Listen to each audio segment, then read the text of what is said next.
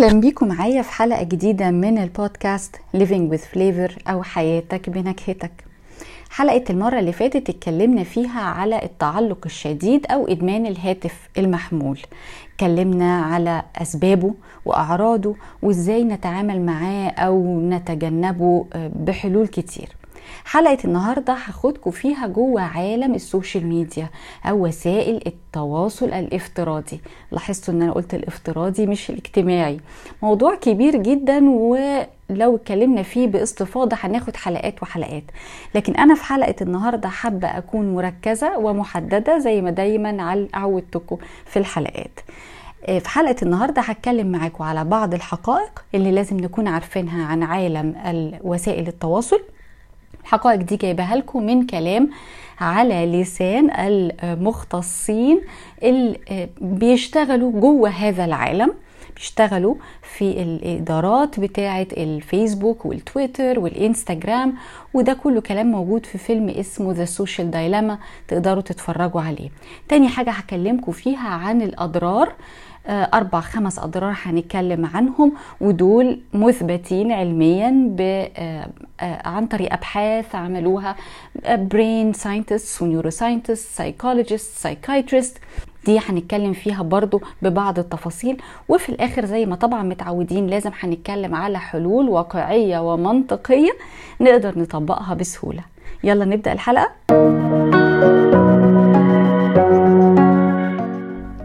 خليني بس أوضح حاجة بسيطة قبل ما أبدأ اكلمكم على الحقائق وهي إن مفيش حد ضد وسائل التواصل ولكن عايزين نوصل للتوازن. توازن في وقت استعمالنا لها وفي الحاجات اللي بنبص عليها أو المعلومات اللي بنشوفها نفهم إيه اللي ورا العالم ده علشان نعرف ناخد قراراتنا بنفسنا. أول حقيقة محتاجين نبقى عارفينها إن زي ما قلت لكم في الأول وسائل التواصل الافتراضي إن هي ليست وسيلة حقيقية للتواصل ببساطة لأنها تفتقر لخصائص التواصل الصحية اللي كلنا محتاجينها. وهي إيه؟ لما الواحد بيبقى قاعد بيتكلم مع أصحابه أو قاعد مع أهله بيبقى شايفهم وشايفينه في تواصل بالعينين لغة جسد بقدر أقراها ابتسامة مع الكلام فنقدر نسمع بعض بشكل أحسن ولكن التواصل عن طريق الفيسبوك والتويتر والإنستجرام والحاجات دي كلها افتراضي بحت. شفنا مشاكل كتير بتحصل بسبب إن معنى ورا الكلام ما بيكونش واضح. فبنفترض حاجة فاللي قدامنا بيرد بحاجة تانية فبيحصل صراعات لا معنى لها بسبب فقدان المعنى وفقدان فكرة التواصل الحقيقي. دي أول حقيقة لازم نعرف. الحقيقة التانية إن لو هي فعلا الغرض منها تحقق خلينا نتفق إن الهدف فعلا في الحقيقة كان التواصل. فهنفترض حسن النية في البداية. ولكن الدليل على إن ده لم يتحقق إن ناس كتير جدا دخلت في عزلة أعداد ونسب حالات الأمراض النفسية والاكتئاب والتوتر وأعداد نسب الانتحار زايدة جدا في السنوات الأخيرة مع زيادة التعلق بوسائل التواصل. فده معناه إنها لم تحقق الهدف من التواصل الاجتماعي بين الناس.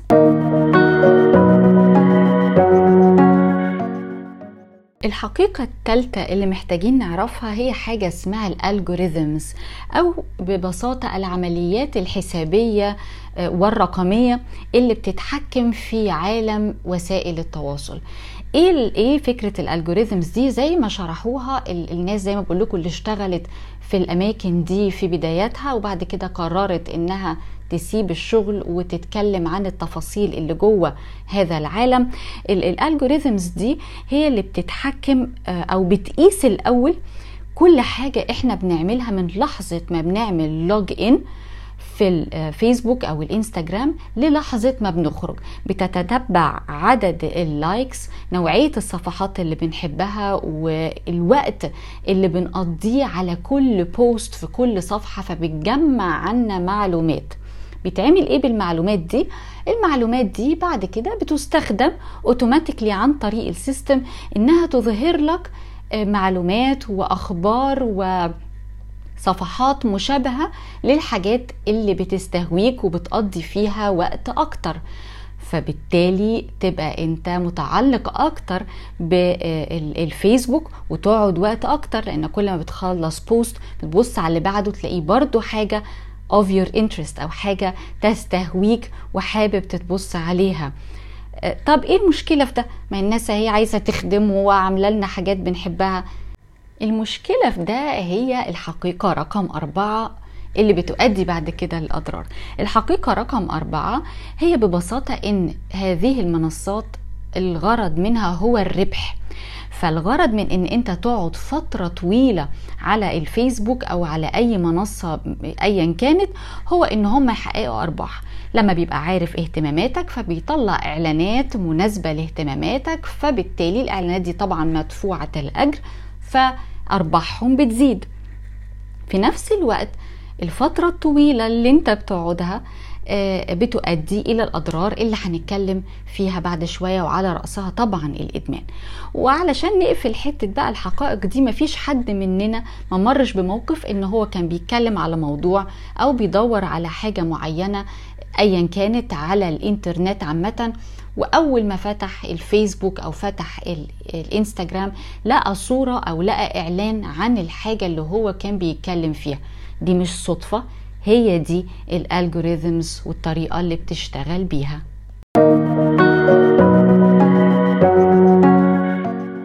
أول تأثير سلبي أو ضرر بيقع على المخ بسبب تواجدنا بفترات طويلة على وسائل التواصل هو تشتيت الانتباه.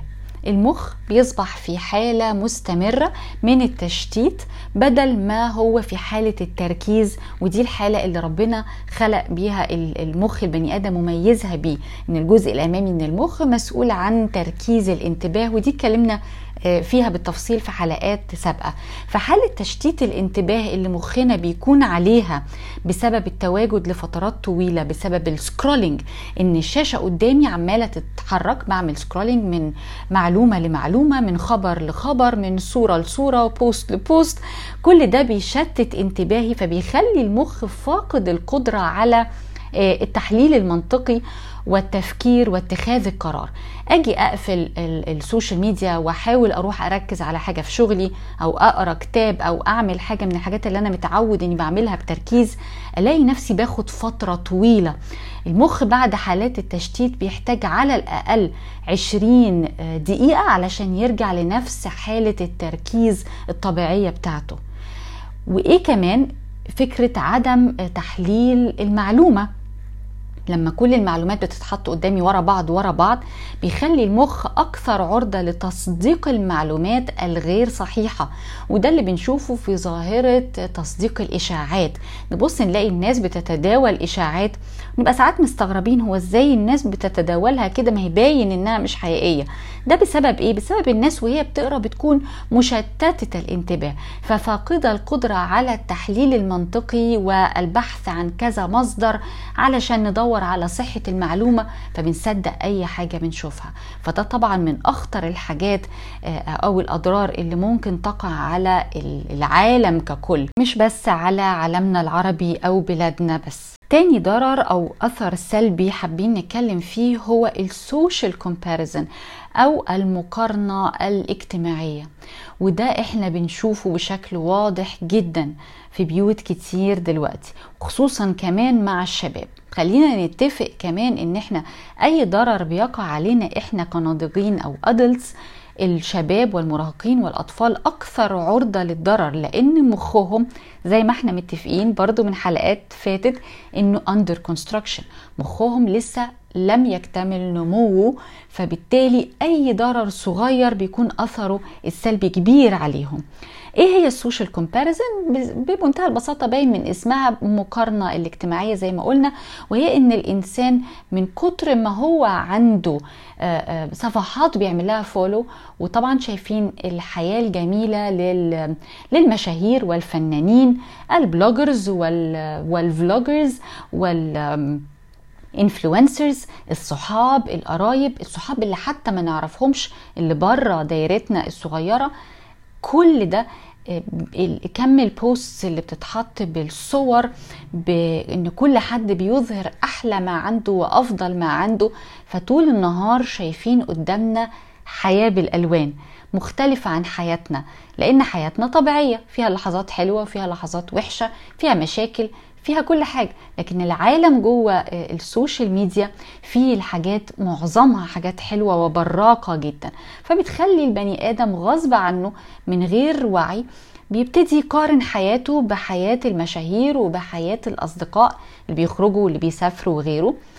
فيبتدي يتخلق عنده حالة من عدم الرضا. آه ودي على فكرة يعني علميا كمان ومش بنتكلم بس كلام مدرج. يعني دراسة اتعملت في جامعة هيوستن في سنة 2015 آه أثبتت إن استعمال الفيسبوك يؤدي إلى أعراض الاكتئاب بسبب ال social comparison وهي إن الإنسان بيقارن نفسه بال بال بالناس اللي حواليه. دي هم مش حواليه actually اللي هم على ال social media عايز آه يكون شبههم. يبتدي يقارن حياته الاجتماعية أو حياته المهنية يبتدي مش راضي عن نفسه مش راضي عن عيلته مش راضي عن حياته ببساطة لأنه بيقارن الزوج بيقارن زوجته بالفنانات مثلا. الزوجة بتقارن ولادها بأولاد الآخرين في الصور البراقة. كتر حتى المعلومات اللي, اللي الأهالي بيعرضوا لها اعملي كذا ده كذا صح وكذا غلط. كتر النصايح بتخلي في أحيان كتير الأهل يحسوا بعدم الرضا عن نفسهم يحسوا إن هم مقصرين. المقارنة المهنية لو الناس بتبص على صحابها مثلا من نفس المجال بيحطوا صور إنجازات في شغلهم أنا مثلا لم أحقق نفس هذا الإنجاز فممكن أبتدي أحس إن أنا مقصر إني محتاج أشتغل بشكل مختلف. فبالتالي إن إحنا عايشين في حياة الآخرين أكتر من حياتنا بيعود علينا بضرر جامد جدا يا جماعة. عايزين نعيش في حياتنا أكتر من ما إحنا عايشين في حياة الآخرين. ده كمان ممكن نضيف له نقطة إن كتر المنتجات اللي بنشوفها وبتعرض قدامنا في شكل الإعلانات بتخلينا نعتقد إن السعادة ما إحنا خلي بالنا إحنا اتفقنا إن في حالة عدم رضا. فنبتدي ندور على تعويض لهذه الحالة من عدم الرضا. فعن طريق إيه؟ عن طريق إن إحنا نبقى شكل الناس دي فنشتري زي ما الناس دي لابسة أو نقتني أشياء وحاجات زي ما هم عايشين نعيش زيهم.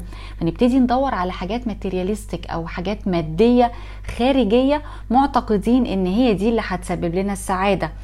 فلما نقتنيها لا نشعر بالسعادة بل يزيد إحساس الاكتئاب وإحساس عدم الرضا. لأن في الطبيعي إحنا عارفين إن السعادة ليست في امتلاك الأشياء المادية. وده برضو مش كلام وخلاص. كل الناس اللي بتسمعني إحنا adults وناضجين وعارفين إن السعادة لازم بتكون من الداخل وليست في ما نقتنيه من أشياء. حاجة تانية برضو خطيرة جدا ظاهرة بتزيد وحابة إن أنتوا تاخدوا بالكم منها ونقدر نحطها تحت برضو عنوان ال social comparison أو المقارنة الاجتماعية. وهي ال groups الموجودة دلوقتي على الفيسبوك mainly اللي بتاخد آراء الناس. حد بيحط مشكلته ويبتدي يسأل الناس رأيها إيه في المشكلة اللي هو بيكتبها. الحقيقة دي ظاهرة غريبة جدا وأنا بحس في أوقات كتير قوي إن المشكلة اللي محطوطة على ال post بتكون fake ما بتكونش حقيقية لمجرد جذب likes أكتر و comments وفي بعض الأحيان بتكون مشكلة يعني مستفزة. فبلاقي ناس كتير جدا بتدخل وتعلق اعتقد إنها في بعض الأحيان ما بتكونش مشاكل حقيقية. لو افترضنا إنها مشاكل حقيقية مشكلتها في إيه؟ اللي بيعرض مشكلته على ال social media ومستني حلول من الناس كأنه بالظبط وما تزعلوش مني زي اللي قاعد في ميدان عام وماسك يافطة حاطط عليها المشكلة بتاعته وبيسأل اللي رايح واللي جاي في الميدان على رأيه. طب ما هو أنا الناس اللي في الميدان دي جاية من مستويات مختلفة من ثقافات مختلفة آه كل واحد عنده خبراته وعنده حياته. فاللي بيظهر إيه في الإجابات الناس وردودهم وحلولهم بتكون معظمها في حالة إسقاطات. يعني ناس بتسأل على حالات لها علاقة بحياتهم الزوجية. فنبص نلاقي التعليقات كل حد بيدلي بدلوه من مشكلته الخاصة. عاشت تجربة معينة فكاتبة النصيحة لا اعملي كذا كذا كذا كذا كذا بناء على تجربتها الشخصية. وحد تاني يقول إجابة أخرى وأخرى. فبالتالي ننتهي بإن إحنا نلاقي للأسف بيوت بتتخرب مشاكل كتير جدا بتزيد بسبب إن اللي بيدي النصايح طبعا غير متخصصين. المشكلة الحقيقة مش في اللي بيدي النصيحة هي المشكلة لو فعلا اللي بيطلب النصيحة ده بني آدم حقيقي ودي مشكلته وبيعرضها كده على الملأ عشان ياخد نصايح. أرجوكوا أرجوكوا لو كان في حد فعلا بيعمل ده أرجوكوا أي نصايح نروح للمختصين. وما أكثرهم دلوقتي في كل المجالات نسأل حد متخصص سواء بقى في حاجات دينية حاجات اجتماعية في أي حاجة من فضلكم بلاش عرض المشاكل. والناس اللي برضو بتدلي بدلوها وبتدي نصايح أرجوكوا بلاش تدوا نصايح سلبية. يعني يعني يا نقول حاجة كويسة تهدي الدنيا يا ما نقولش والأفضل طبعا إن إحنا دايما يبقى تعليقنا إن إحنا نوجه الناس إنهم يلجأوا للمتخصصين ولا إيه رأيكم؟ آخر ضرر هنتكلم فيه قبل ما نروح للحلول بقى ونشوف هنعمل إيه في القصة دي هو معلومة أو ظاهرة علمية اسمها negativity bias إيه ال negativity bias دي أو الميل للسلبية؟ هي إن البني آدم بطبيعته بيميل أكتر للأحداث اللي فيها دراما وفيها إثارة. زي إيه؟ يعني تخيل مثلا أنت ماشي في الشارع وفي على يمينك مثلا لا قدر الله حادثة حاصلة وعلى الشمال في زفة أو فرح. هتلاقي نفسك بتنجذب أكتر إنك تبص على الحادثة بتفاصيلها للأسف. ده اللي بيحصل على السوشيال ميديا. فاكرين لما قلنا في الأول إن ال algorithms بتبص على إحنا بنقعد قد إيه على posts ولما حاجات بنقعد عليها بوقت أطول فيبتدوا يظهروا لنا حاجات شبيهة؟ نفس القصة. إحنا بنميل أكتر للأحداث السلبية. فلما بيبقى في خبر فيه حادثة أو خبر سلبي أو مشكلة أو حاجة في يعني ايا كان الخبر السلبي اللي قدامنا بنقعد نقراه بتفاصيله ولو فيديو برضو بيظهر حادثة أو حاجة وطبعا كلنا شفنا السلبيات بتنتشر بسرعة جدا أكتر من الإيجابيات. فبالتالي ال algorithms automatic بتقرأ إن إحنا بنقعد وقت أطول على الحاجات السلبية فتظهر لنا الحاجات السلبية بشكل أكتر. فده بيؤدي إلى إيه؟ بيؤدي إلى أعراض آه ضغط نفسي توتر anxiety اللي هو الهلع والقلق وطبعا حالات الاكتئاب بتزيد بسبب كم السلبيات اللي بنتعرض لها.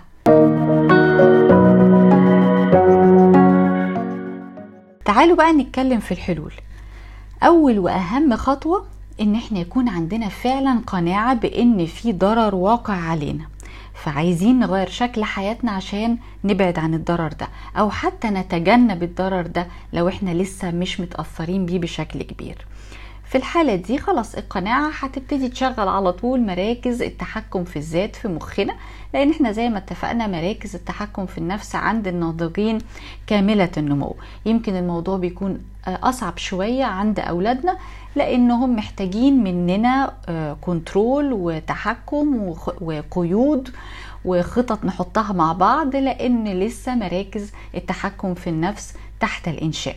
طيب تعالوا أقول لكم بعض الأفكار خدوا منها اللي يريحكم. ابتدوا باللي يبان ليكوا سهل وتقدروا تطبقوه بشكل فيه استمرارية. وخلينا نتفق إن أي تغيير صغير هنعمله هيكون له فعلا تأثير كبير. تعالوا نشوف بعض الأفكار ونشوف شكلها عامل إزاي بالنسبة لنا. أول حاجة ممكن نمسك التليفون ونعمل فلترة وتنقية للتطبيقات اللي عندنا أو منصات التواصل الافتراضي اللي عندنا ال social media platforms يعني اللي عنده فيسبوك وتويتر وانستجرام وغيره وغيره ابتدوا بصوا عليهم. شوفوا مين أكثرهم بياخد منكم وقت وطاقة وفعلا له تأثير سلبي وملوش فوائد كتير عندكم وشيلوه. من على التليفون تماما. بالنسبة طبعا لأولادنا بقى الشباب والأطفال في حاجات أنا بنصح تماما إن إحنا نشيلها زي السناب شات والتيك توك دول من المنصات اللي ملهاش أي أهمية خالص. ممكن بعد كده نعمل حلقة على المنصات المختلفة وأشرح لكم تفاصيل كل واحدة منهم. فدي أول فكرة إن إحنا نقلل المنصات اللي عندنا. طيب تاني فكرة إيه؟ تاني فكرة إن إحنا نلغي ال notifications أو الإشعارات. بتاعت كل ال social media حتى الإيميل. لأن الخطوة اللي بعد كده هنتكلم فيها على تنظيم الوقت. فلما نلغي كل ال notifications كده أنا بقلل فرص التشتيت اللي بيتعرض لها مخي كل لما يحصل notification زي ما اتفقنا أي صوت بيحصل حتى لو ما مسكتش التليفون وبصيت فيه ساعة ما ال notification بتيجي حصل التشتيت. فلو لغينا كل ال notifications سيبنا مثلا بس ال notifications بتاعة الواتساب أو حتى لغينا كمان بعض الجروبات على الواتساب ده فعلا هيفرق معانا جدا في حالة التشتيت اللي ممكن نكون بنمر بيها. الفكرة اللي بعد كده هي التخطيط. اليوم يا جماعة 24 ساعة. منهم نوم المفروض يكون من 6 ل 9 ساعات. منهم حياة منهم رياضة شغل علاقات اجتماعية. فكل الحاجات دي لما نبقى مخططين لليوم هيبقى الوقت اللي الفراغ اللي ندخل فيه على ال social media أكيد هيكون أقل. بالنسبة حتى للإيميلات خلينا نحدد وقت ندخل فيه على الإيميل. بالنهار مثلا الصبح أول ما بنوصل المكتب ممكن مرة بالليل ده لو طبعا طبيعة شغلنا بتحتاج إن إحنا لازم نشوف الإيميل بالليل. يعني خططوا ليومكم عشان ما تحسوش بإن في وقت كتير فاضي مش عارفين نملاه إزاي. في حين إن برضو حتى لو في فقرات من الملل الملل ده شيء جميل جدا وبيؤدي إلى الإبداع وفي أوقات كتير بنعرف نحل مشكلات أساسية في حياتنا وإحنا قاعدين ما بنعملش أي حاجة خالص. طيب بعد ما هنخطط لليوم هنعمل إيه؟ فكرة قفل الإنترنت من على التليفون. إن يبقى في أوقات في اليوم بقفل خالص ال Wi-Fi وال cellular مفيش نت. هو عبارة عن جهاز تليفون. أهم وقت طبعا لازم نقفل فيه التليفون خالص هو وقت النوم. لأن ال radiations اللي طالعة من التليفون خطر جدا على المخ لو هو جنبنا شغال وإحنا نايمين. إمتى تاني أوقات تحبوا تقفلوا الإنترنت؟ فكروا شوفوا أوقات معينة في الشغل أوقات وانتوا قاعدين مع الأولاد. حددوا الأوقات اللي أنتوا حابين تقفلوا الإنترنت خالص عشان لو جيت أمسك التليفون لقيت النت مقفول أفتكر وابتدي أفعل التحكم في النفس وما أفتحش التليفون. آخر فكرة حابة أقولها لكم هي استبدال التليفون. يعني زي ما بنمسك التليفون معانا في كل حتة نخلي دايما معانا مع التليفون كتاب أو رواية اختاروا أي موضوع أنتوا بتحبوا تقروا فيه. خلوهم دايما مع بعض. دي من الأفكار اللطيفة جدا. أي وقت وقت قاعدين منتظرين الولاد بيخلصوا التمرين آه فهنقرأ شوية. في وقت قبل ميتنج هبتديه ففي وقت فاضي عايز أعمل حاجة فلما هلاقي قدامي الكتاب همسك الكتاب وأقراه بدل التليفون. حقيقي دي من الأفكار اللي فرقت معايا أنا شخصيا جامد جدا في الفترة الأخيرة. كل دي أفكار اختاروا منها اللي يناسبكم لو عندكم أفكار أنتوا تانية يا ريت تبعتوني وتشاركوني بيها. قولوا لي إيه من الحاجات دي نفع معاكم وكان سهل. آه ابتدوا خطوة خطوة. زي ما اتفقنا لو إحنا مقتنعين فعلا هنقدر نخلق التغيير وهنحس بالفرق بسرعة جدا جدا أسرع مما نتخيل. أتمنى الحلقة تكون آه أفادتكم. ولو أنتوا بتسمعوني من ال website اعملوا subscription عشان يجيلكوا إيميل لما تنزل حلقة جديدة. لو أنتوا بتسمعوا من Spotify أنغامي أو Apple Podcast اعملوا follow عشان برضو تتابعوا الحلقات الجديدة لما تنزل. شكرا لحسن استماعكم.